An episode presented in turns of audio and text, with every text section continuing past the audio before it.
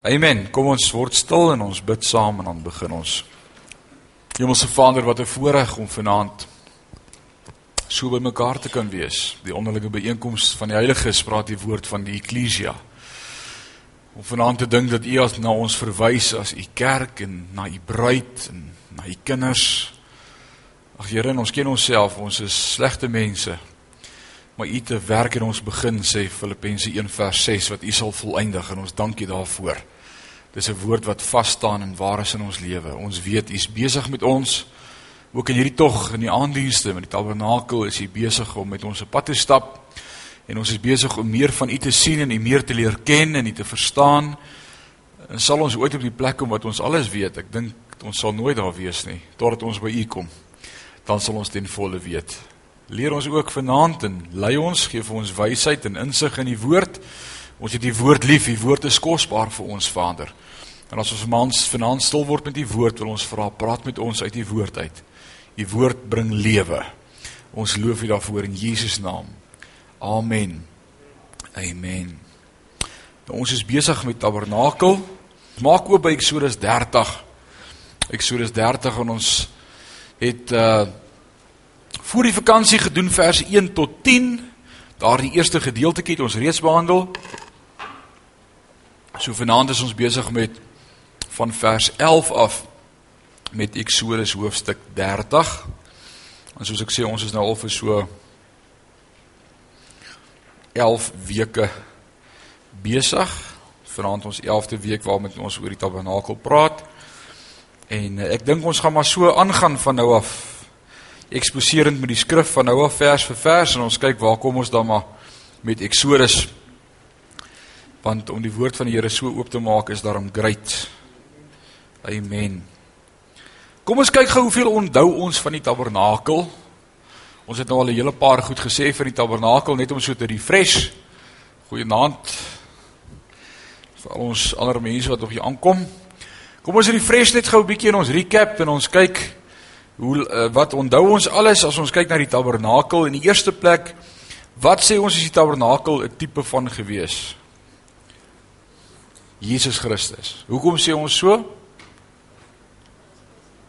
Alles wys na Jesus Christus, dis alles simboliese tipe van Jesus Christus, maar ook die woord self wat vir ons leer dat hy onder ons kom woon het, onder ons kom tabernakel het, sê Johannes, hy het onder ons kom woon.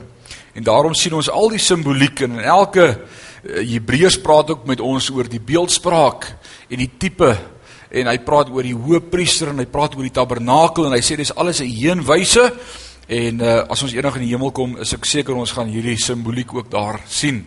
Dis dis dis ingeskryf in die plan van God. So die tabernakel het bestaan uit heel eerste as jy inkom voor by die ingang tot hierdie hele omheining, omheining gedeelte, die erfgedeelte, wat was reg voor jou gewees in die middel? Die koper altaar. Hy was lekker hoog gewees, hy was groot en lomp 2 by 2 by 2.2 meter sodat jy hom nie kon mis nie. Dis die eerste ding waarmee jy gekonfronteer word ook as jy in die koninkryk inbeweeg. Ons het vir mekaar gesê wie's die deure, die gordyne waardeur ons beweeg is? Jesus, ek, Jesus sê self ek is die weg, die waarheid en die lewe en niemand kom na die Vader allerheiligste behalwe deur my nie. Jesus is die deur, daar's geen ander deur nie. Wat so fantasties is as jy kom voor by Jesus in, dan gaan jy by die tabernakel self by Jesus in en dan gaan jy deur die allerheiligste, deur die voorhangsel deur Jesus. Daar's net een pad en dis deur Jesus. Amen. Dis wat ons glo. Dit maak ook is dit nie fantasties dat as 'n ou by die woord bly en ons so die woord eksposeer dat dit ook jou geloofswaardes vasmaak in die Here nie. Baie keer dink jy jy weet wat jy glo, ek glo in die drie enige God, die Vader, Seun en Heilige Gees en ek glo in 'n maar as jy hierdie goed so besef, dan weet jy hoekom glo jy dit, want dit is die woord. Dis nie net iets wat jy glo en jy hoop jy verstaan dit eendag nie. Dit raak praktiese teologie. En dis fantasties. So jy het die koper altaar gekry en reg agter die koper altaar kry ons ook dan die koper waskom. Na die koper waskom het jy die ingang gekry tot die tent self. Hoe groot was die tent gewees? 10L by 30L. Eerste gedeelte was 20L by 10L, daarna was dit die voorhangsel en daar agter was die allerheiligste wat nog 'n 10L by 10L was. Die eerste gedeelte het hoeveel meubelstukke ingehaat? 3. Ons noem dit die heilige gedeelte of die heiligste. Daar was 3 meubelstukke. Aan jou regterkant het jy gekry die tafel met die toonbrode. Reg voor jou was gewees die reukofferaltaar en aan jou linkerkant was die goue kandelaar. Goue kandelaar. Ons het daaroor gesels. Dan kry ons die voorhangsel en as jy deur die voorhangsel gaan in die allerheiligste was daar een meubelstuk gewees en dit was die ark, die verbondsark. Man, en het ons nie die heel eerste aand sommer weggetrek met die verbondsark. Dit was awesome. As jy dit verstaan, verstaan jy genade, jy verstaan jou posisie in Christus, jy verstaan wie ons is. So dit maak dit great. So vanaand gaan ons verder en ons sal sien dat van die goed wat al geskiep is of ons nog nie by uitgekom het nie, gaan ons by uitkom en van die goed waarmee ons al gedeel het, gaan daar meer detail wees. Ons gaan in detail baie van die goed weer behandel en dis net fantasties as ons daarmee kom. Maar vanaand die eerste gedeelte vers 11. Verder het die Here met Moses gespreek en gesê: As jy die volle getal van die kinders van Israel opneem volgens hulle getalle, moet hulle elkeen vir sy lewe los geld aan die Here gee as hulle getel word, sodat geen plaag onder hulle mag wees as hulle getel word nie. Dit moet hulle gee. Elkeen wat na die geteldes oorgaan. 'n Half sikkel volgens die sikkel van die heiligdom. Die sikkel is 20 gera, 'n half sikkel as offergawe aan die Here. Elkeen wat oorgaan na die geteldes, Nou wat bedoel hy met oorgaan? Elkeen van 20 af. Oor 20 word hulle getel van 20 jaar oud af en daarbo moet die offergawe van aan die Here gee. Die ryke moenie meer as die arme, moenie minder as 'n half sikkel bring nie. As hulle die offergawe van die Here gee om vir julle siele verzoening te doen. Vers 16 Neem dan die versoeningsgeld van die kinders van Israel en bestee dit aan die best aan die bediening van die tent van samekoms dat die kinders van Israel in gedagtenis kan bring voor die aangesig van die Here om vir julle siele verzoening te doen. Hier sien ons 'n interessante ding by hierdie gedeelte. Ons het al gepraat oor 'n paar offers en 'n paar offers wat opgeneem is en ons het sommer heel aan die begin weggetrek by Eksodus 25 die eerste aand deur te sê die Here sê almal wat in sy hart geroer word om te gee vir die saak moes gee. Onthou julle dit? In 'n paar plekke gaan ons sien dat daar 'n sekere uh iets opgeneem word by die volk en 'n oproep gedoen word tot die volk en dat die Here elke keer sê ek wil hê julle moet gee soos dit in julle harte val om te gee. Dis 'n keuse om te gee. Dis 'n vrywillige offer. Maar hierdie offer is nie vrywillig nie, hierdie is gedwing. Alraight? Hierdie is onder dwang. Hierdie ou moet elke ou bo kan die ouderdom van 20 jaar oud moet 'n half sikkel as offer aan die Here gee. Dit was deel van hoe die volk getel is. Dis hoe die sensus gewerk het en ek gaan vanaand vir julle verduidelik hoe dit werk. Alraai, elkeen uh moes dit gee en ons noem dit ook die losprys vir die siel. Dit was die rede hoekom hulle dit moes gee as losprys vir die siel. Alraai, so die mense is nie getel nie. Die geld is getel. Dit het nie gegaan oor hoeveel mense daar is nie, die geld is getel. En dan het hulle geweet as daar soveel half sukkels ingekom het, dan moet daar soveel om en by mense wees. Maar die mense is nie genommer nie. Jy's nommer 1 2 3 4 5 10 20 30 50 100 mense. Dit het nie so gewerk nie. Dawid het eendag 'n groot fout gemaak. En uh julle behoort te weet van hierdie groot fout wat hy gemaak het. Die duiwel het reg gekry om Dawid te versoek om die volk te tel. En hy het vir Dawid gesê tel die volk dat jy weet hoe sterk is jy en hoeveel mense het jy wat kan veg? En hoeveel leermagte het jy? En hoe groot leier is jy? En hoe goeie koning is jy? En hoe groot is die volk van die Here? Tel tel tel tel tel. En Dawid het die volk getel. Maar God beveel dat die volk nie getel mag word nie. Want die manier hoe die volk getel moet word is hulle moet gee en dan moet die geld geneem word en dit moet gebruik word vir diens vir spys in die huis. Alraight, dit was God se manier. So die bron van inkomste was nie om te weet hoe sterk is ek of hoe oulik is ek of hoe great is ek of hoe groot weermag het ek nie. Dit gaan daaroor dis hoe die Here ons gebless het sodat ons kan sorg vir spys in die huis. Ons moet kyk na die tabernakel en om goed te koop sodat die tabernakel mooi loop en die lampies vol olie is en die kersies mooi brand en die vuur ook daar is en daar fees om te offer en die leviete ook kan lewe. Daar moet spys ook vir hulle wees. Die Nuwe Testament leer ook vir ons daarvan. Dawid trap in die wip. Want dit gaan oor homself, dit gaan oor eie eer. Sy motief word getoets. Hy's versoek deur die duiwel en die trots, dis as gevolg van trots wat hy beweeg was en die prys daarvoor is dat daar 'n plaag oor Israel kom en 70000 mense van Israel sterf. Dis die straf. 70000 mense sterf as gevolg van die plaag omdat Dawid die volk getel het en God het nie gesê die volk moet getel word nie. God hou nie daarvan nie. Nou sê jy maar is dit nie unfair nie.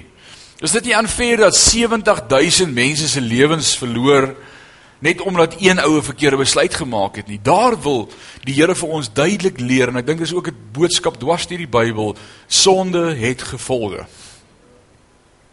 Sonde het gevolge nie net vir jou nie.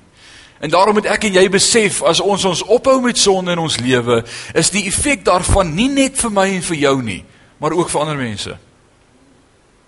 En ek dink dis 'n dis 'n oproep om wakker te word, om te besef dit raak nie net my nie. Baie ouens sê ag pastoor, ek vat met my ou doppie en dis maar 'n saak tussen my en die Here. Great. Weet jy hoeveel jong mense deel ons donderdag by die skool mee wat met die gevolg sit van pa en ma se sondes in hulle lewe? Hoeveel jong mense kom op 'n Dinsdag en 'n Donderdag aand by ons tieners uit? En as die trane oor die wange rol met die gevolg sit van sonde van pa en ma. Jy weet waarvan ek praat. Ons het almal letsels in ons lewe van ander mense wat verkeerde dinge gedoen het.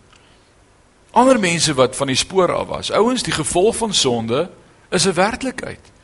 En dis wat die Here vir ons duidelik hierdeur ook wil sê, dis presies wat hier gebeur het. So Dawid se motiewe was verkeerd geweest. In vers 12 van van hierdie gedeelte sê vir ons van Eksodus 30, sodat geen plaag onder hulle mag wees as hulle getel word nie. Hulle moes gee. Die motief moes wees om te gee en nie om getel te word om te kan roem daarin nie. Maar om te gee vir die werk van die Here.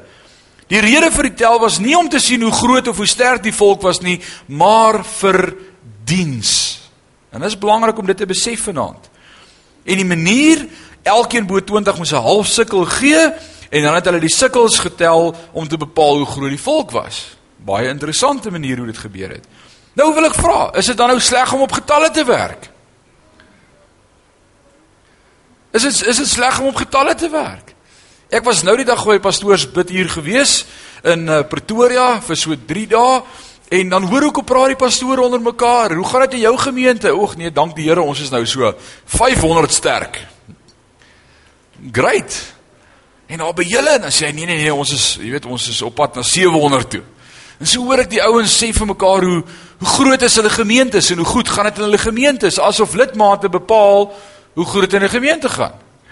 En ek dink dis presies die straf wat of die sonde wat Dawid gedoen het, is dit gegaan oor trots. Oor die eie ek. Hoe gaan dit by julle aan hier? Ooh, ons is al oor 100. Man. Great. Nou is die motief is verkeerd. Hoe gaan dit by jou selgroep? O, oh, die Here bless ons. Ons is al 20, ons bars uit ons nate uit. Dis verkeerd. Dis verkeerd. Eh, so ons moet ons hart moet altyd reg wees want in die Nuwe Testament verwys hy tog na getalle. Op Pinksterdag het hoeveel tot bekering gekom? 3000. Waaroor gaan dit? Wys daai 3000 enige iets na hoe goed Petrus gepreek het? Of verwys dit na God se grootheid? sien jy? Getalle is nie die probleem nie. Die probleem kom hoekom? Hoekom wil ek weet hoeveel? Alraight. Behalwe as dit kom by Jesus. Jesus voed in Matteus 14 vanaf vers 14 leer ons dit hoe hy die menigte kos gee. Hoeveel mans was daar daardie dag? 5000 mans plus vrouens plus kinders.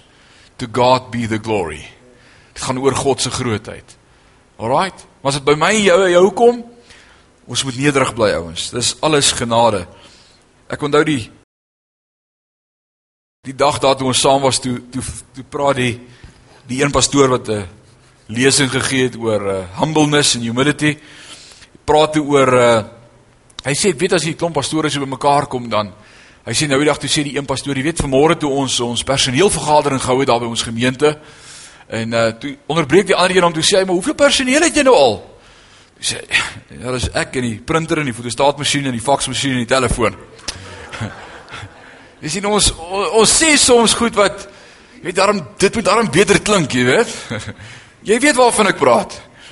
As jy daar by die familie is of by die pelle en hulle vra maar hoe hoe gaan dit finansiëel met jou? Dan sê jy ag, jy weet, dit uh kan nie help nie, ons is daarom gebless, jong. Uh dis die verkeerde motief. Dit wys nie nou hoe groot God en hoe goed God vir jou is nie, maar dis selftrots en roem. En God hou nie daarvan nie. Alraight. Dit het ook later tempelbelasting geword in die Nuwe Testament, hierdie instelling van Exodus 30 vanaf vers 11 af, hierdie spesifieke gedeelte. Het so ritueel by die volk geword dat dit ook is waar tempelbelasting vandaan kom. En nou gaan jy weet as ek praat van tempelbelasting, ek verwys na watter gedeelte in die Nuwe Testament? Wat is die insident? As ek sê tempelbelasting, waaraan dink jy? Petrus kom by Jesus en hy sê, "Hey, ons het moeilikheid betaal ons belasting. Kan jy dit onthou? Matteus 17. Matteus 17. Betaal ons ook belasting. Die Fariseërs en die ouens hou ons dop en hulle sê ons betaal nie belasting en Jesus sê vir hom: "My heerlikheid, hoe betaal 'n kind vir sy eie pa belasting?"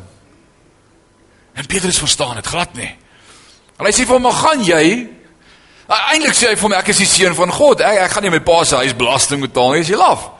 Ek ek is dan sy kind. Maar maar gaan jy want Petrus was op daai stadium en dis wat ouens reken. Ek het nie feite vir dit nie, maar hulle reken dat Petrus die oudste disipel was en dat hy oor 20 was.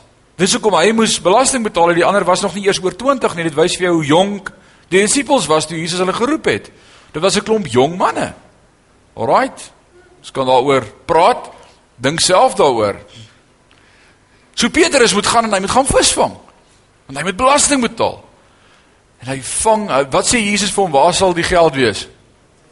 In die visse mond. Hoekom in die visse mond? Hey Petrus, jy wil mos so baie praat.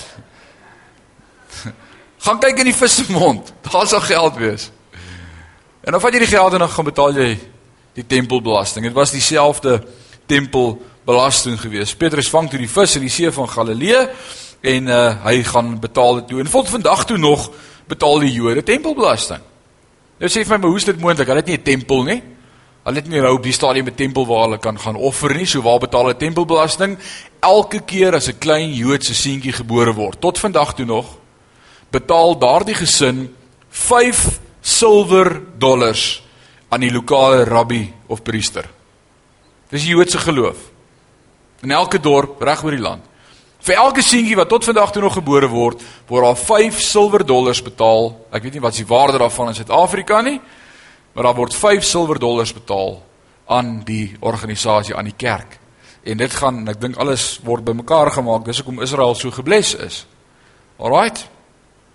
So dis hoe dit werk. Wat was die funksie daarvan? Vers 16 om vir julle siele verzoening te doen. Beteken dit verlossing kan gekoop word? Ek dink is een van die gedeeltes wat baie kerke deur die eeue verkeerd verstaan het. Beteken dit verlossing kan gekoop word? As dit die rede is hoekom hulle dit moes doen, neem kennis. Daar's verskeie groepe wat deur al die jare in die loop van die jare hierdie toepassing gebruik het om redding te bewerk. Maar ek en jy weet vanaand na wie ons verwys. Daar daar's kerke en organisasies reg oor die wêreld wat deur die middeleeue miljoene rande bymekaar gemaak het om enorme katedrale te bou dwars deur Europa. Want hulle het vir die mense geleer as iemand sterf en jy's nie seker hy was so goeie mens nie. En jy kom koop genoeg kersse by die kerk. Jy mag jou eie kersse bring nie, Pick n Pay kersse nie, maar die kerk se kersse koop. As jy genoeg koop, en jy brand daai kersies, gaan ons jou help dat jy hemel toe gaan. En tot vandag toe nog is daar hierdie geloof en julle weet van wie ek verwys wat kersse brand. Kersies aansteek en hoop asseblief liewe Jesus hy moet daai kant toe. En mense wil so graag seker maak hulle familie kom by die Here uit dat hulle bereid is om duisende rande se kersie te koop en te brand. Daarom kyk maar op TV, jy gesien toe Lady Daai oorlede is. En al hierdie groot ouens wat die gees gee, hulle brand kersies, pappa. Dis net kersies. Want die kerk moet nou help. Hm. Tot vandag toe nog is dit 'n gebruik. Alraight. So ons weet dit kan nie so werk nie, né? Ek wil die volgende sê. Wat dit vir my wel aandui is verlossing kan nie gekoop word nie. Maar verlossing het 'n prys wat betaal moes word. En dis waarop dit vir my dui. Verlossing kan ek en jy nie koop nie. Maar daar was 'n prys vir ons verlossing. Verlossing moes gekoop word. Maar verlossing is nie te koop nie. Wie kon verlossing vir my en vir jou bewerk? Net Jesus Christus. Deur sy bloed. 1 Petrus 1 vers 18 sê omdat julle weet dat julle nie deur verganklike dinge en dan sê hy silwer of goud losgekoop is uit ydelle lewenswandel wat deur die Vaders oorgelewer is nie, maar deur die kosbare bloed van Christus soos van 'n lam sonder gebrek en vlekloos. God het vir julle die prys betaal. Sy seun Jesus Christus het vir ons gesterf. En daardie tempelbelasting wat elke jaar betaal moes word, het hulle nie gedink hulle koop hulle redding nie. Maar dit moes hulle herinner dat ons redding gekoop moet word. Hoor jy wat ek sê? Ek kan nie my redding hier deur koop nie. Hierdie is net om te help dat daar spys in die huis is en die in die tempel mooi loop, maar hierdie laat my besef iewers daar is daar 'n prys wat betaal moet word vir my verlossing. En ek hoop hy gaan betaal word. Dit was 'n profetiese heenwyse dat Jesus Christus moes kom om vir ons die prys te kom betaal. Amazing. Hoekom silwer? Hoekom silwer? Dwars deur die Bybel is silwer altyd 'n tipe van verlossing silwer verlossing. Eksodus 38 gaan ons verder sien dat eh, dat vir ons gesê word dat dit gebruik was om daarvan ook voetstukke te maak vir die kante van die tabernakel. Ons gaan naby kom in Eksodus 38. Maar onthou julle toe ons besig was met die tabernakel en met die struktuur en besonder toe ons gepraat het oor die balke en hoe hierdie tentgedeelte aan mekaar gesit word met hierdie panele van 1 en 'n half L, kan jy onthou? Van hierdie akasia hout stukke wat almal ewe lank was. En hulle moet twee twee saam in 'n silwer voetstuk geplant word. Kan jy dit onthou? Ek het vir jou gesê akasia hout praat van die mens. 100% mens. Maar my voete is geplant op iets wat vir my sê ek is verlos. Jesus Christus. Daai plank het nie in die hout in die grond gestaan nie. En ons weet grond, aarde, wêreld, sonde. Dis verlos. Daar's 'n prys voor betaal. Dit was die herinnering daaraan dat hierdie mense ook in hierdie voetstukke ingeplant is. Dis waarvoor hierdie silwer ook gebruik was wat opgeneem is nou met die tempelbelasting. En Eksodus 38 gaan ons verder daaroor lees. Dis deel wat hulle daarmee gedoen het. Soos ek gesê die mense is die hout en die tempel maar ons staan ook nie in hierdie wêreld nie, ons staan op die silwer wat beteken ons is losgekoop en bevry. Ons is vrygekoop deur die bloed en ons staan nie meer in die wêreld nie. Ons behoort nie meer aan onsself nie, maar ons behoort aan Christus. Ouens, en hier moet ons 'n ding verstaan vanaand as ons hieroor praat. As ek sê ek behoort nie meer aan myself nie, maar ek behoort aan Christus, dan beteken dit En jy moet nou mooi hoor wat ek sê vanaand. Dit beteken wat jy wil hê in die lewe is nie meer belangrik nie, dit gaan oor wat God vir jou wil hê. As ons sê ons staan op hierdie silwer voetstuk en ons sê ons is losgekoop en vrygekoop en ons is vrygemaak deur die bloed van die lam en ons behoort nie meer en ons sê af nie ek behoort aan Christus en almal vanaand sê ons behoort aan Christus. Dan het jy en ek nie meer 'n wil nie. Want ons bid ook nou nie my wil nie maar u wil. Maar ek gaan nou dit doen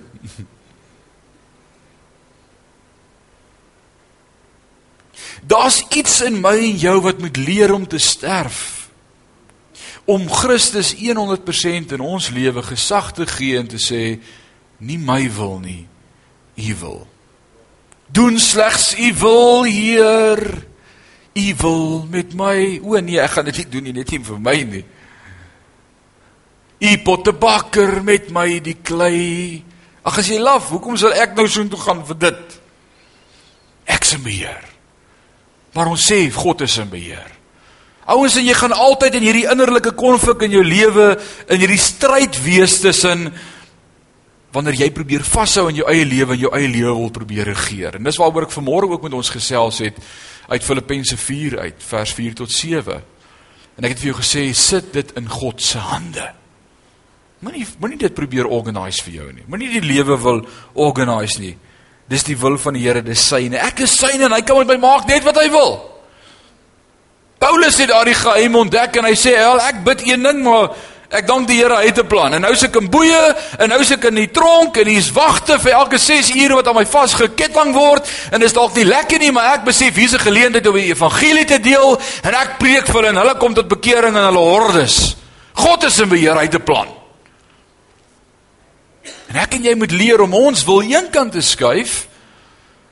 Hoekom is ek met hierdie vrou getroud? Want jy's nie joune nie, jy's God se. En hy wil jou iets leer. Hoekom het die Here vir my hierdie man gegee? Hy wil jou iets leer. Minder van jouself en meer van hom. Hoekom het hy my hierdie werk gesit? Ek hou nie eers hiervan nie. Hoekom doen ek dit? Ek het verkeerd gekies toe ek op skool was. Toegeweet het wat ek nou weet, het ek dit nooit gedoen nie. Gelukkig het God toegeweet wat hy nou wil hê. En hy het dit toegelaat. Want jy's nie jou nie, nie, jy sê jy's God se. Is ons regtig God se? Is ek regtig oorgegee aan die Here? Sê ek regtig dat ek God in alles wat ek doen wil verheerlik of besef ons nog nie regtig wat dit beteken nie? Want daarom is daar die heeltyd hierdie innerlike konflik in my en in jou. Wat sê maar is dit regtig wat ek wou doen? As ek nou kan weer gaan swat, sal ek iets anders te swat. Ek ek ek. As ek kan gaan oorswat, sal ek weer wil doen wat God wil hê ek moet doen. Al hou ek nie daarvan nie. Want hy het 'n plan met my. Hy het 'n plan om my te kan gebruik. Hy het 'n plan om my te posisioneer sodat hy vir my iets in stoor het. En dan sien nou die dag as ek toe geweet het wat ek nou weet dat ek lankal gaan swat, toe sê ek vir hom maar dit sou nie gewerk het nie. Want dis wat die Here nou vir jou wil hê. Dit is nie hoe dit werk. Dis mense wat nou die dag by ons gemeente aansluit en sê o, ek wens ek het 10 jaar terug geweet wat ek nou was. Dan was ek dan al hier, dan sê ek nee. Dit is jammer vir jou ja, maar die God se tyd is die regte tyd. God se tyd is die regte tyd. Ons behoort aan die Here en ons moet sê dat nie net sê dat ons aan hom behoort nie, maar ons moet dit ook lewe. Alraai, ons behoort nie aan onsself nie, ons behoort aan God. Wil iemand iets vra oor hierdie eerste 6 verse wat ons gedoen het vanaand?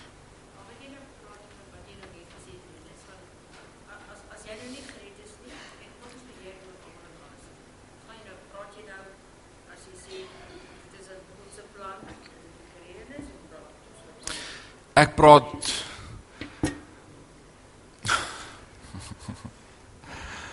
Ek praat van almal.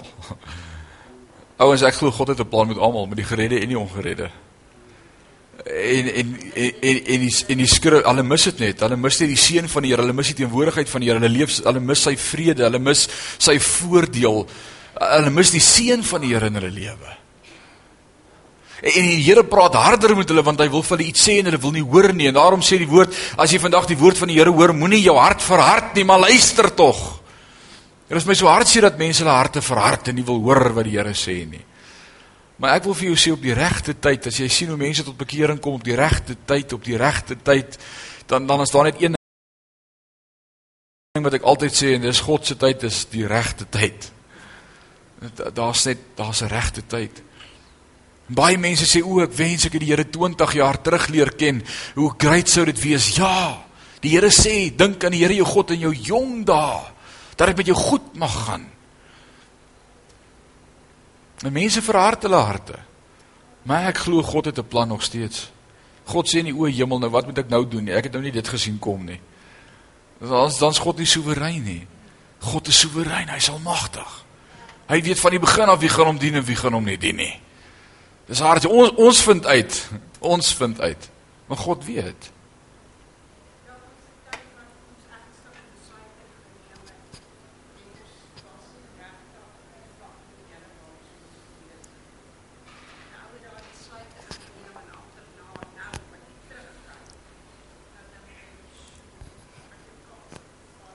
Absoluut. Maar ek dank God as ons ook terugkyk, sien ons hoe hy ons gedra het en beskerm het en hoe sy hand altyd daar was. Jy het net die blessings gemis. Absoluut. Absoluut. Nog iemand iets sê oor hierdie eerste gedeelte?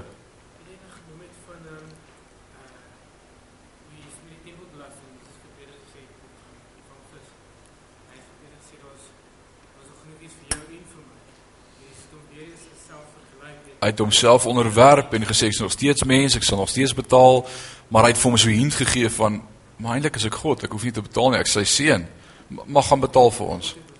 Ja. Absoluut. Sy godheid en sy menslikheid. Amen. Gaan ons aangaan? Vers 17. Jesus ontom.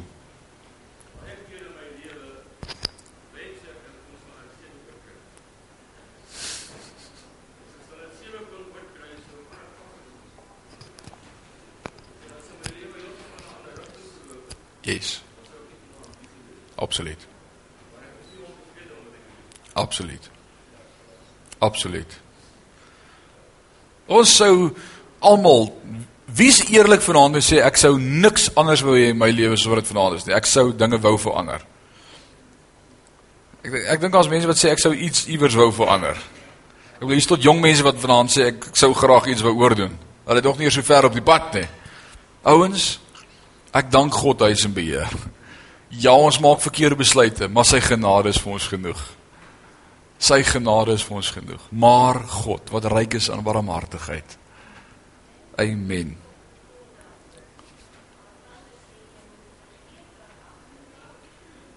Uitstrek na die dinge wat voor lê, absoluut. Yes. Absoluut. Iemand sê eendag iets moois, hy sê as die hele tyd omkyk na gister se sonsondergang, gaan jy nooit môre se sonsopkoms kan waardeer nie. Hou op omkyk en kyk vorentoe. Wat verby is is verby. Water onder die brug. Moenie terugkyk nie, as jy my nie waardig nie. Dis waar. As jy hand om die ploeg slaan om te werk. Daar's hy. Right, Exodus 30 vers 17. En die Here het met Moses gespreek en gesê: Jy moet ook 'n koper waskom maak met sy koper voetstuk om in te was. En sit dit tussen die tent van samekoms en die altaar en gooi water daarin dat Aaron en sy seuns hulle hande en hulle voete daaruit kan was. Ek wil hê jy moet daardie woordjie daaruit in jou Bybel omkring. Nie daarin nie, maar daaruit. Alraight.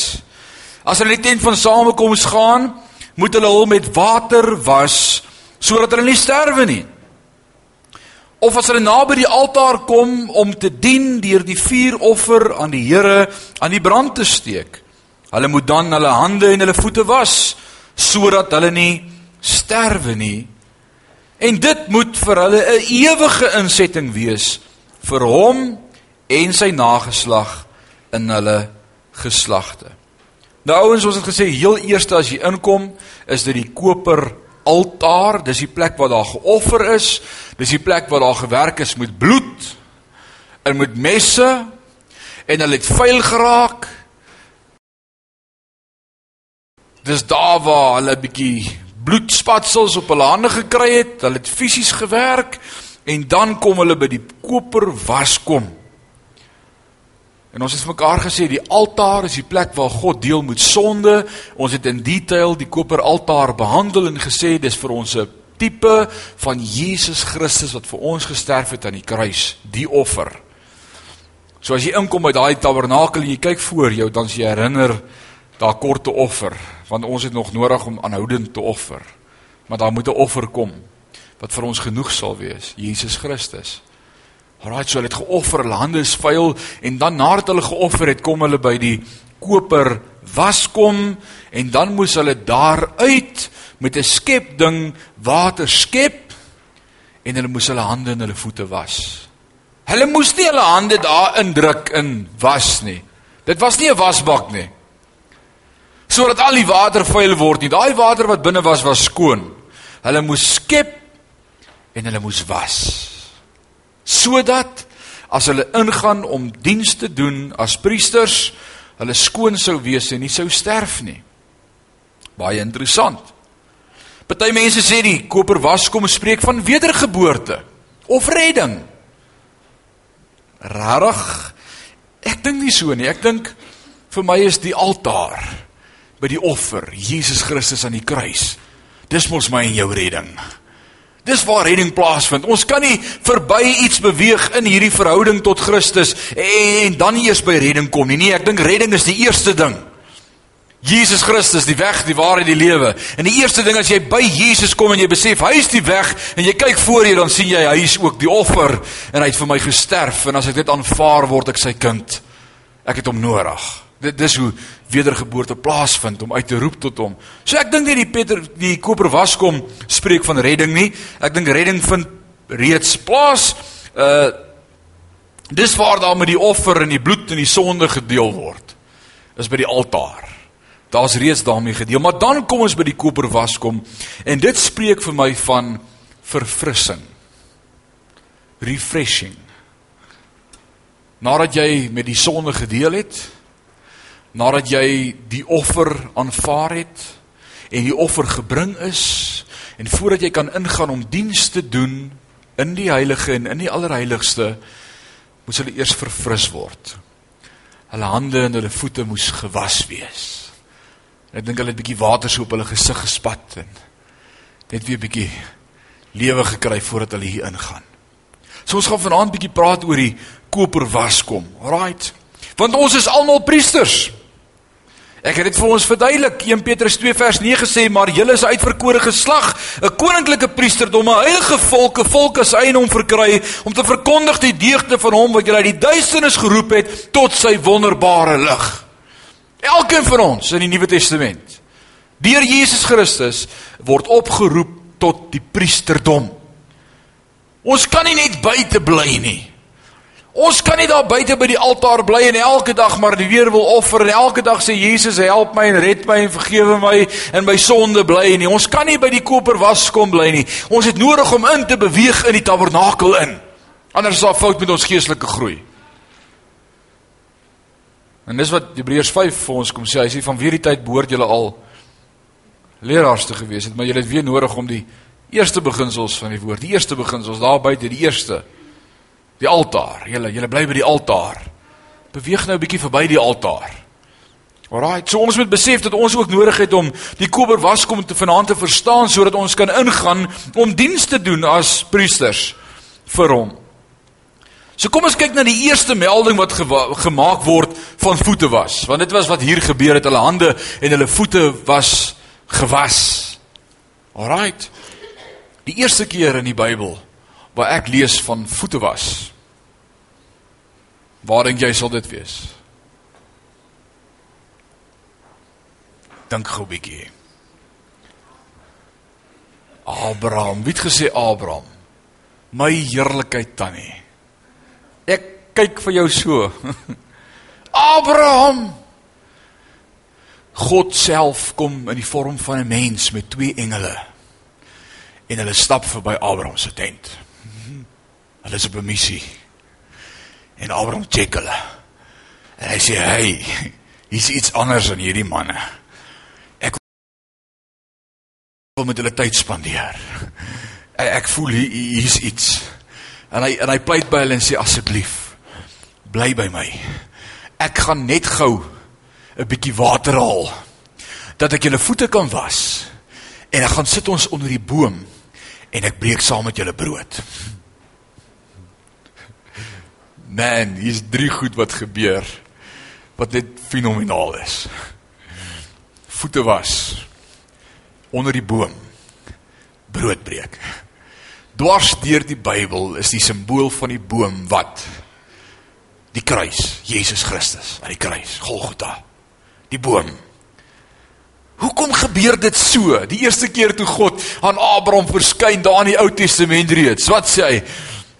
Ons gevoete was refreshing onder die boom. Abraham het nie geweet wat hy doen nie. Maar God het geweet en ons gaan brood breek. In die boefretrek toe Jesus met sy disippels is, sê ek gaan julle voete was. Ek gaan aan die boom hang vir julle, die kruis. En ons gaan vanaand saam brood breek.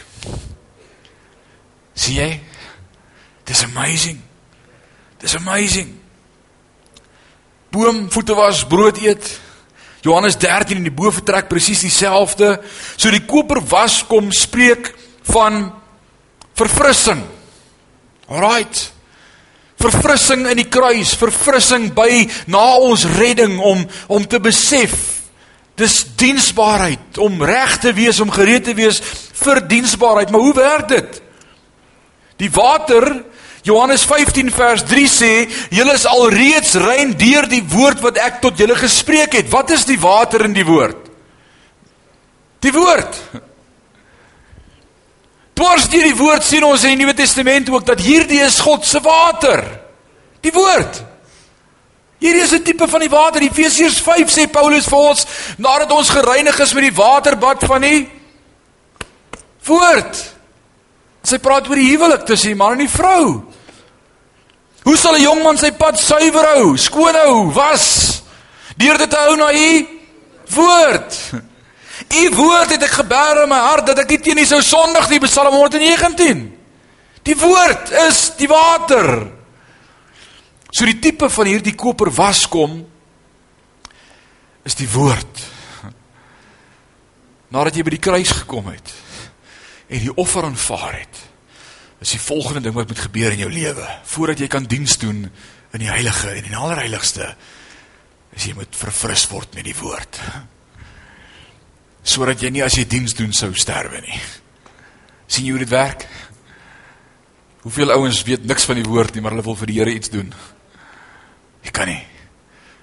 Jesus se eie disippels het hy vir 3 jaar eers geleer voordat hy hulle uitgestuur het. Hoe is dit dis belangrik. Alraai, so die begrip was hou direk verband met die woord van God. So, hoe groot was die waskom? Kom ons sê dit vir mekaar vanaand. Wat het ons gelees? Hoe groot is die waskom? Hoeveel el by hoeveel el was sy voetstuk?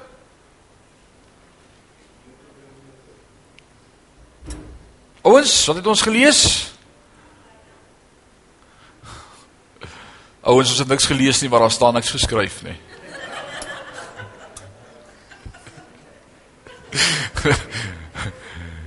Dis die enigste meubelstuk wat geen dimensies het nie.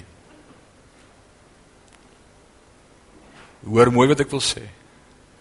Daar's geen limiet of riglyn gewees vir hoe groot die koper waskom moes wees nie, nêrens nie. Want jy kan nie God se woord inperk en aan bande lê nie. Jy kan dieselfde versie vir 50 jaar bestudeer en elke keer sien jy iets nuuts uit God se woord En ons ken nie die einde van die skatte nie. Dis die woord. Is dit nie amazing nie? Alraight. Dis die rede waarom daar nie dimensies is nie. Jy kan dit nie inperk nie. Die tweede plek. Daar is ook nie vir die koper waskom 'n bedekking gemaak nie. En ons sal sien as ons ook verder gaan en ek het al daarna verwys toe ons praat oor die koper altaar, oor daardie ou pers doekie wat hulle moes oorhang. Onthou jy toe ons daar was laas kwartaal? Jy gesê hulle moes so 'n ou rokkie maak vir hom as hulle gaan met die tent en hulle steek daai draaghoute in want hulle moes beweeg, hulle moes kon mobiel wees. Die hele tabernakel is opgeslaan en afgeslaan. En elke ou het geweet waar moet hy vat en waar moet hy dra en wat staan waar. Hulle het geweet, kyk hulle was gerad. Maar die koper waskom het niks ooit nêrens wat hom moes bedek nie. Dit was die enigste meubelstuk wat nooit bedek word hè. Hoekom? Want jy kan nie God se woord inperk of toemaak nie. God se woord is oop vir almal wat wil drink, vir almal wat wil was. Enige of hy in 'n kamer is nadat die prostituut hom besoek het en al lê Gideon se Bybeltjie voor sy bed en hy vat hom. God praat met hom. Of hy in die gevangenis is met daardie ou een blaadjie wat ingesmokkel is vir hom en hy vat hom, maak God hom oop vir hom. Of agter die eystergordyn maak die saak waar nie. God se woord kan nie bedek word nie. Daar's geen bedekking op die woord van die Here nie. Dis 24/7. Hierop moet ons eintlik skryf 24/7. Daar's nie tussen 3 en 5 in die oggend word hy toegesluit en verstaan jy niks wat jy lees nie. As jy nog nie geslaap het, jy gaan jy niks verstaan nie want jy's moeg, hoor. Dis nie omdat die boek toe is nie, jy's moeg. Maar hy word nie toegesluit nie. Hy's altyd beskikbaar. Word ook nie gebeere nie. Is altyd beskikbaar. Soos die woord van God ons verfris, Hoekom bly ek en jy nie altyd in die woord nie? En ek dink hier moet ons vir mekaar vanaand in die oë kyk. Want ek moes hieroor mooi gedink het. Want as ons wil eerlik wees vanaand met mekaar, dan sukkel ons om gedissiplineerd met God se woord tyd te maak elke dag. Ons sukkel.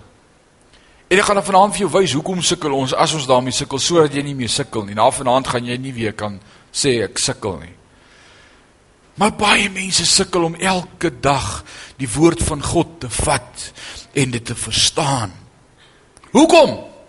Want koper waarvan hierdie waskom gemaak is, dwars deur die Bybel is koper die simbool van oordeel.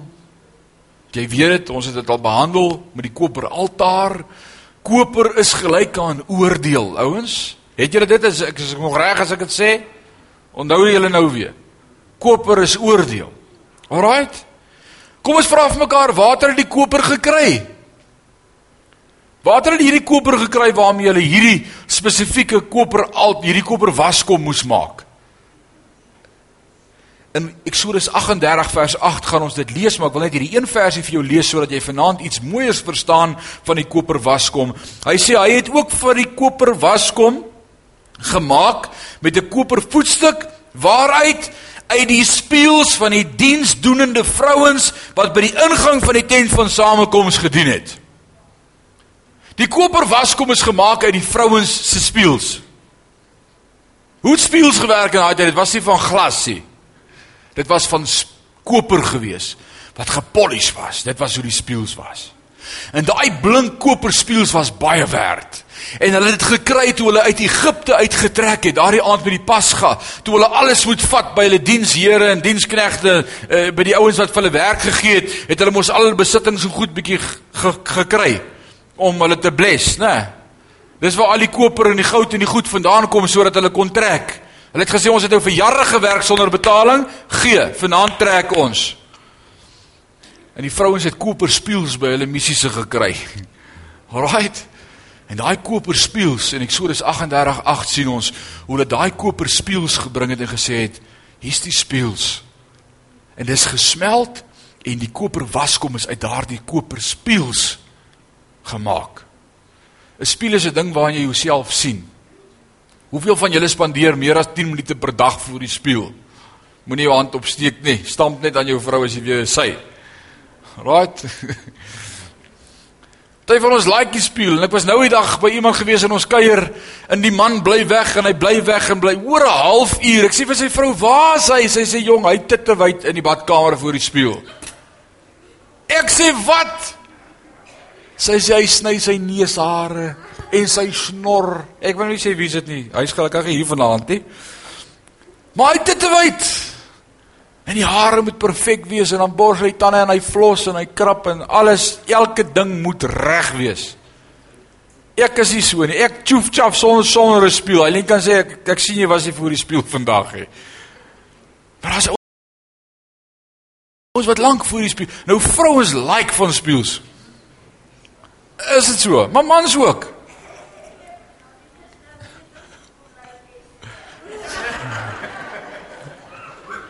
Ek is bly as tannie verstaan. ouens, baie ouens like van tyd voor die spieël spandeer, maar wat sien jy in die spieël? Jouself. Party like hulle self en dis goed. En party traai en hulle self werk voor die spieël en dis goed. Dis reg. En nou die dag gaan klop ek by iemand sê die vrou vir my deur die interkom, "Jong, ek kan nie nou uitkom nie. Ek het nog nie aangetrek en my gesig is nog nie opgeplak nie. Jy kan my nie so sien nie." shame. Want die Here sien ons net soos ons is. Maar, maar dis goed dat ons vir mekaar darm die mooiste wil voorhou. Maar weet jy wat, daai spieël, gewoonlik sien jy vir hom in die middel van die nag as jy die badkamer lig aan sit, as jy die badkamer bestorm. En as jy so opkyk, dan sien jy vir jouself en jou hare staan deur mekaar en jy lyk oes en woes. Daai spieël sien vir jou wanneer jy op jou swakste is. Hæ? Die spieël help jou dat jy mooi lyk as ander jou sien, maar daai spieël het al die slegste van jou gesien. Hy het jou al gesien as jy uit die stort uit klim. hy sien vir jou, hy weet hoe jy lyk. En dis presies wat die spieël doen en dis hoekom dit vir my so pragtig is, daardie koper waskom het ook gereflekt. Dit was 'n spieelbeeld. So wat het jy gesien as jy by daardie koper waskom kom? Jy sien jouself. Jy sien jou vuilheid jou vuilheid. Jy raak attent gemaak oor jou tekorte en jou gebrek. En as ons sê die koper was kom is die woord van die Here, dan wil ek vanaand vir jou vra wat gebeur wanneer ek en jy die woord van die Here lees? sien jy jouself in die spieël? sien jy jou swakheid? Sien jy jou gebreke? sien jy jou issues? sien jy jou sonde? Dis dis wat gebeur. Dis presies wat gebeur wanneer ek en jy met die woord van God sit. Ons sien onsself. Nou elke dan en wan dan vat ek my familie weg met die karavaan en dan gaan hou ons vakansie in die bos vir 'n naweek. Vandat ek genoeg van die spieël gehad het vir my vertel hoe ek lyk. En ek het genoeg geskeer en my mooi gemaak vir die gemeente en aangetrek vir die kantoor. En ek wil my baard laat groei en nie hare kam nie en kaalvoet loop en net bietjie relax van hoe ek lyk. Dalk werk jy anders as ek. Ek is so. Maar weet jy wat? Ons maak met God se woord ook so. So dan en wan dan het ons genoeg gesien hoe sleg ons lyk en hoeveel flaws ons het en hoe sleg ons regtig is. En elke keer as ek oopmaak en lees dan dink ek, "O, Here, dis terrible." Dis erg. Kyk hoe lyk ek. Want ons wil nie so lyk nie. En hierdie koper was kom wys vir ons hoe ons lyk. En dan maak ons die boek toe en ons sit ons eenkant en ons sê ek kan nie so baie tyd spandeer met die boek nie. Want die boek sê vir my ek lyk sleg. Hoor jy wat ek sê vanaand? Sukkel jy ook soms daarmee? Is dit ook wat jou eintlik verhinder soms om nader te kom? Ek bedoel ons ons lees in die woord van die Here al hierdie pragtige goed wat Jesus vir ons gedoen het. Ons lees oor die doofstomme genees. En dan dink ek, "Wow, maar ek wil ook hê dat die Here deur my werk en ek wil ook my hande op dowes lê en op stommes lê en hulle word gesond. En dit gebeur nie. Ek het ek het nodig om te groei. Ek moet op daardie plek kom wat ek dit ook kan doen.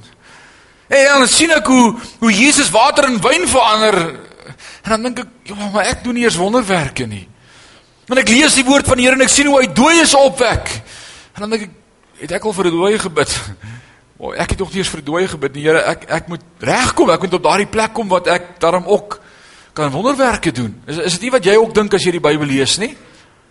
Is dit nie wat die Bybel vir ons sê nie? Eh, ek sien Jesus loop op die water.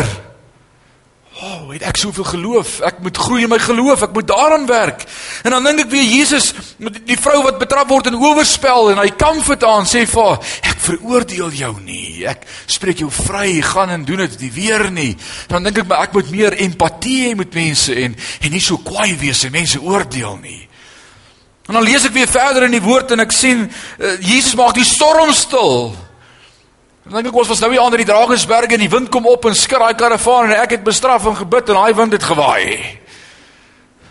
Ek kan nie eens wind stil maak nie. En dan en lees ek verder in die woord van die Here en ek sien hoe dryf hy duiwels uit en dan dink ek ek kry dit nie reg nie. Net dan sê ek useless. En ek sien hoe Jesus vir 5000 mans en vroue en kinders kos gee. En ek soek op 'n tyd om vir ons vier kos te kry. En ek ek ek sukkel. Jesus doen wonderwerke en ek kan nie. Ek lees die woord en ek sien hoe skryf die woord moet ons lyk en dan dink ek maar ek lyk nie so nie en en as jy sien jouself in die spieël. En ek moet vir jou sê ek het een ding besef vanaand en as ons met die Here hieroor begin praat en sê Here, maar maar help ons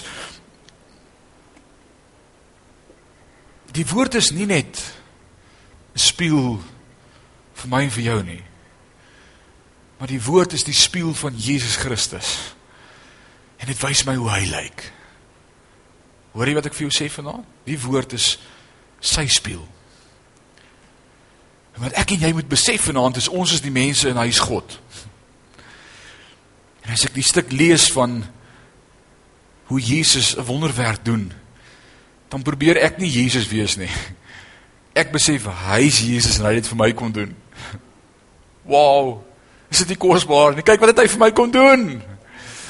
As ek die wonderwerk lees, dan sien ek nie meer wow, ek moet ek moet soos hy probeer wees nie. Ja, ons moet soos hy wees, maar maar hy is God en ek jy is mens en en hy kom en hy wys vir ons wie's hy, maar hy sê vir jou, dis wat ek vir jou kom doen het. Vat die woord en was jou hande in. Was jou voete sodat jy kan ingaan om diens te doen vir my kom op 'n plek waar jy iets in jou hande het om ook verander te doen. Diensbaarheid. Die woord in jou hart.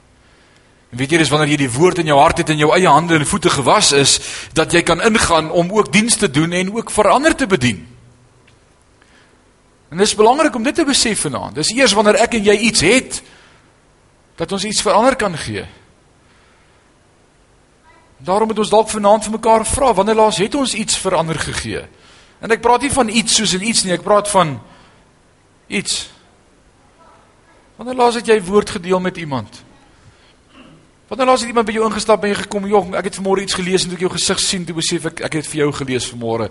Die Here sê ek moet vir jou gee Habakuk 2 vers 12. Dis joune." Wanneer laas het jy water in jou hande gehad en was jy skoon en kon jy deel? Is dit nie wat Jesus doen toe hy die voete was in die boefretrek nie? toe hy die hande kom om vasbind en sê ek gaan voete was. Ek gaan bedien. Ek gaan bedien. Ons moet op daardie plek kom, Sion, wat ons kan begin om ander te bedien. Ons kan nie net elke keer kom sit by die kobber was kom en sê okay, was my hande, was my voete, dankie, kom môre weer nie. Dis lekker. Dis soos jy daar by badplaas was by die spa.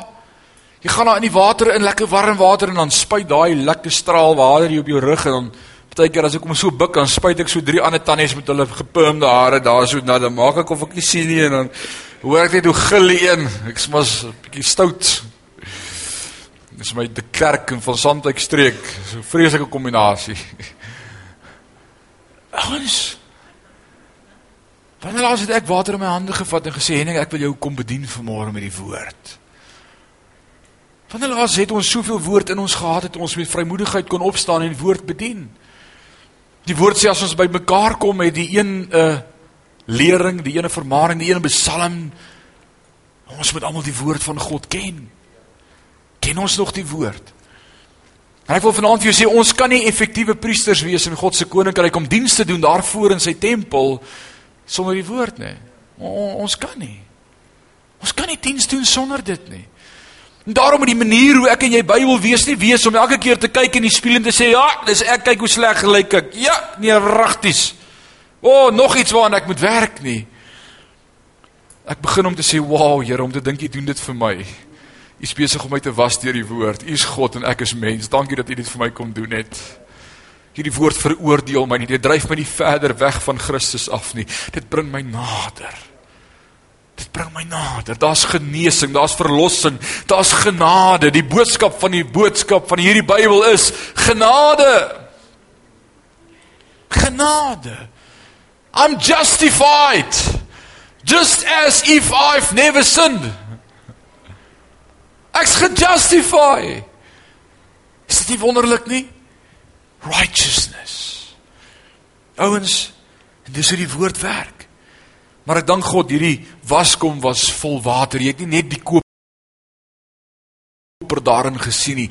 Daar was water en daar was woord in.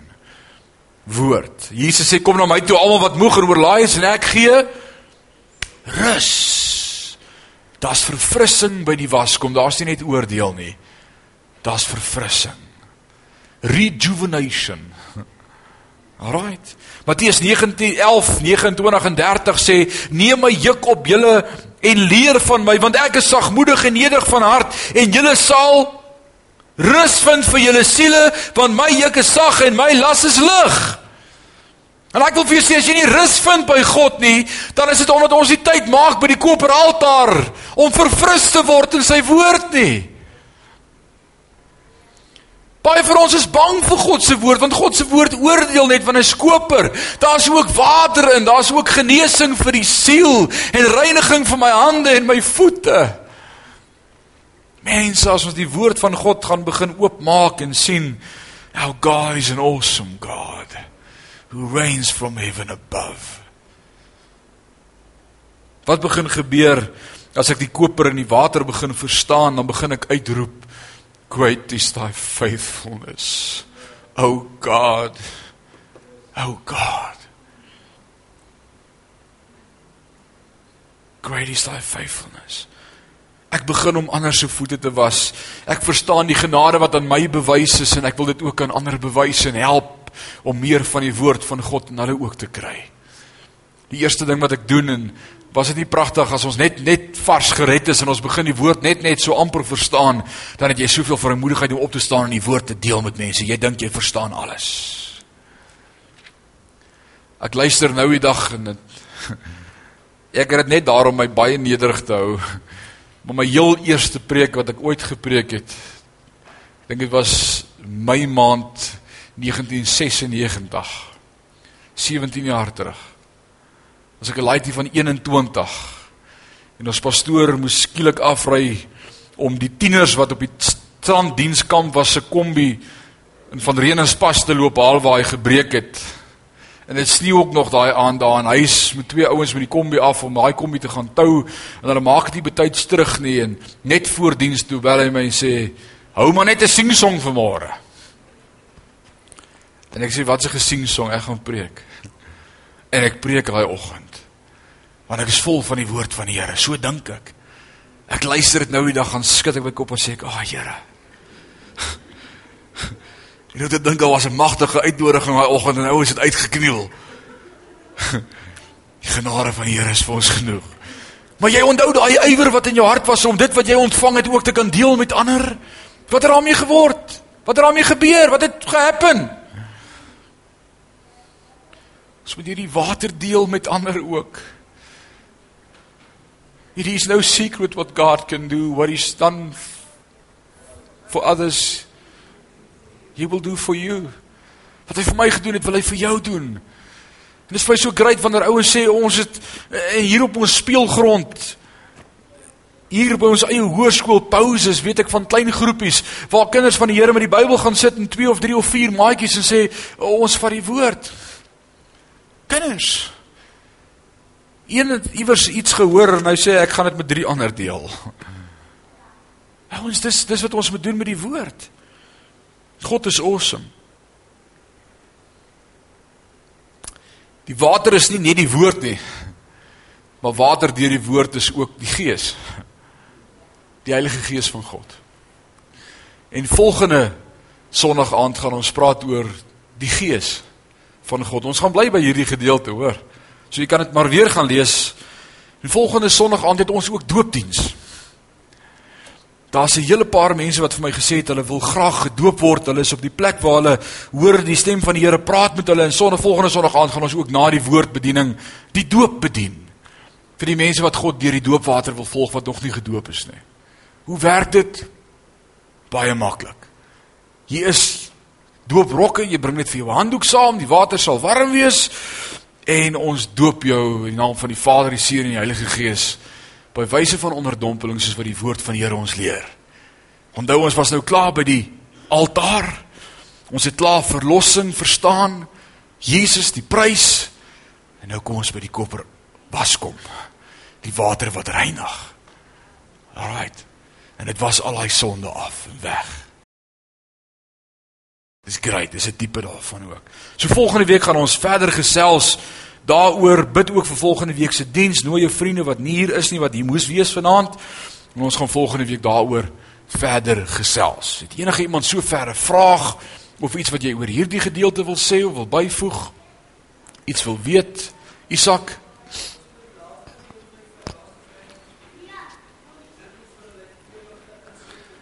Yes.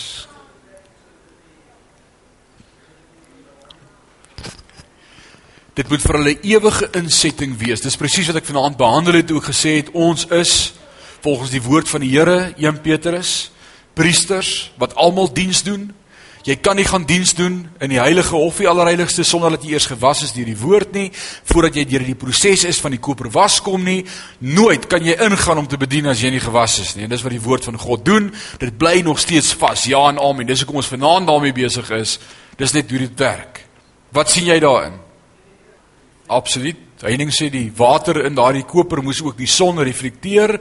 Dis 'n projeksie van lig. Wie is die lig van die wêreld? Jesus Christus. Wanneer jy in daai spieël kyk, sien jy nie net jouself en jou gebreke nie. Jy sien dit wat hy vir jou gedoen het. En dis wat die woord vir ons wys, wie hy is. Amen. Ouens, jy het 'n keuse. Jy kan buite bly. Jy het by Christus gekom en Christus aangeneem en Christus is jou verlosser en saligmaker en dis great, dis wow, maar is dit? As jy met 'n ou praat oor die Here dan sê ek het my kerk, ek was by Christus, ek is gered en dis dit. Los my uit. Nog nooit verder gegaan nie. Jy kan ook die vrug daarvan in sy lewe sien, dit ontbreek. Daar's nie groei gewees nie. En dan kry jy ouens wat braai koper was kom sit en hulle word gewas deur die woord. En jy sien hoe die woord hulle skoon maak. En weet jy wat die volgende ding wat gebeur? Hulle gaan in en hulle begin diens doen. En dan kom hulle eventually agter daar's 'n beste plek. Maria. Daar binne by die voete van die Vader. Die allerheiligste. Dis 'n pad, dis 'n proses. Great. Beautiful. Mag ons daardie gevoel terugkry. Ek dink dis ons grootste challenge om in hierdie tye nog steeds te kan uitroep en ander te kan vertel met daardie selfde oorgawe en vrymoedigheid en nie bang te wees wat hulle gaan dink nê of of ek dalk verkeerd praat nê of as ek vanaand aan my tyd luister van 17 jaar terug sê wat het jy als kwyt geraak nê Die Here weet. Ek is net bereid en ek deel wat hy vir my doen. Ons God soek net 'n bereidheid. Hy soek bereidwilligheid. Hy sê jy moet jou nie voor die tyd voorneem wat jy gaan sê of spreek nie. Jy moet net bereid wees. Wie sal ek stuur en wie sal ek wie sal gaan en ek het gesê hier is ek Here. Stuur my. Ewige God en hemelse Vader. U is so groot. En ons skiet so kort om u grootheid en u deugde te besing en te vertel van die weldade en om te besef nie net die prys wat vir ons betaal is nie maar die pad waarmee u met ons besig is. Ag Here, baie van ons is lank op die pad en ken u al lank en nog steeds beleef ons nie die vryheid in Christus nie dit waarvan die woord ons leer Filippense 4 vers 4 verbly jou in die Here. Die woord wat sê die blydskap van die Here is my beskutting. Vader, ek wil vanaand bid vir elkeen wat deel is van hierdie tabernakel studie waarmee ons besig is. Ons het vanaand stil gestaan by die koperwaskom. En ek wil vir U dankie sê dat U woord ons skoon was. Dankie dat u woord voortdurend besig is om ons skoon te was. Dankie dat die Heilige Gees voortdurend besig is om by ons te pleit en met ons te praat. dat U nie opgee met ons nie, Vader, maar dat U met ons besig is in hierdie proses. Soos wat die woord ons leer, Filippense 1:6 dat hy wat die werk in ons begin het, die goeie werk in ons begin het, dit sal volëindig tot op die dag van Christus. Ons sê vir U dankie. Dankie dat ons U mag ken, dankie dat ons mag groei in ons verhouding met U. Ek wil vanaand bid vir vrymoedigheid, Here, vir 'n gees van vrymoedigheid. Vir elkeen van ons om te kan begin om te deel met ander die blye boodskap, die evangelie, die goeie nuus van Jesus Christus. Wat hy vir my gedoen het, wil U ook vir ander doen. Gee ons courage, gee ons boldness sodat ons hierdie boodskap ook kan uitdeel vir ander. Ons loof U daarvoor, Here. Ons het U lief. Sê vir U dankie vir hierdie kosbare tye in U teenwoordigheid en rondom U woord. Dankie vir die effek wat U woord op ons lewens het. Dankie dat ons kan getuig dat U woord besig is om ons te was en ons te verander. Ons loof U daarvoor in Jesus naam. Amen. En amen.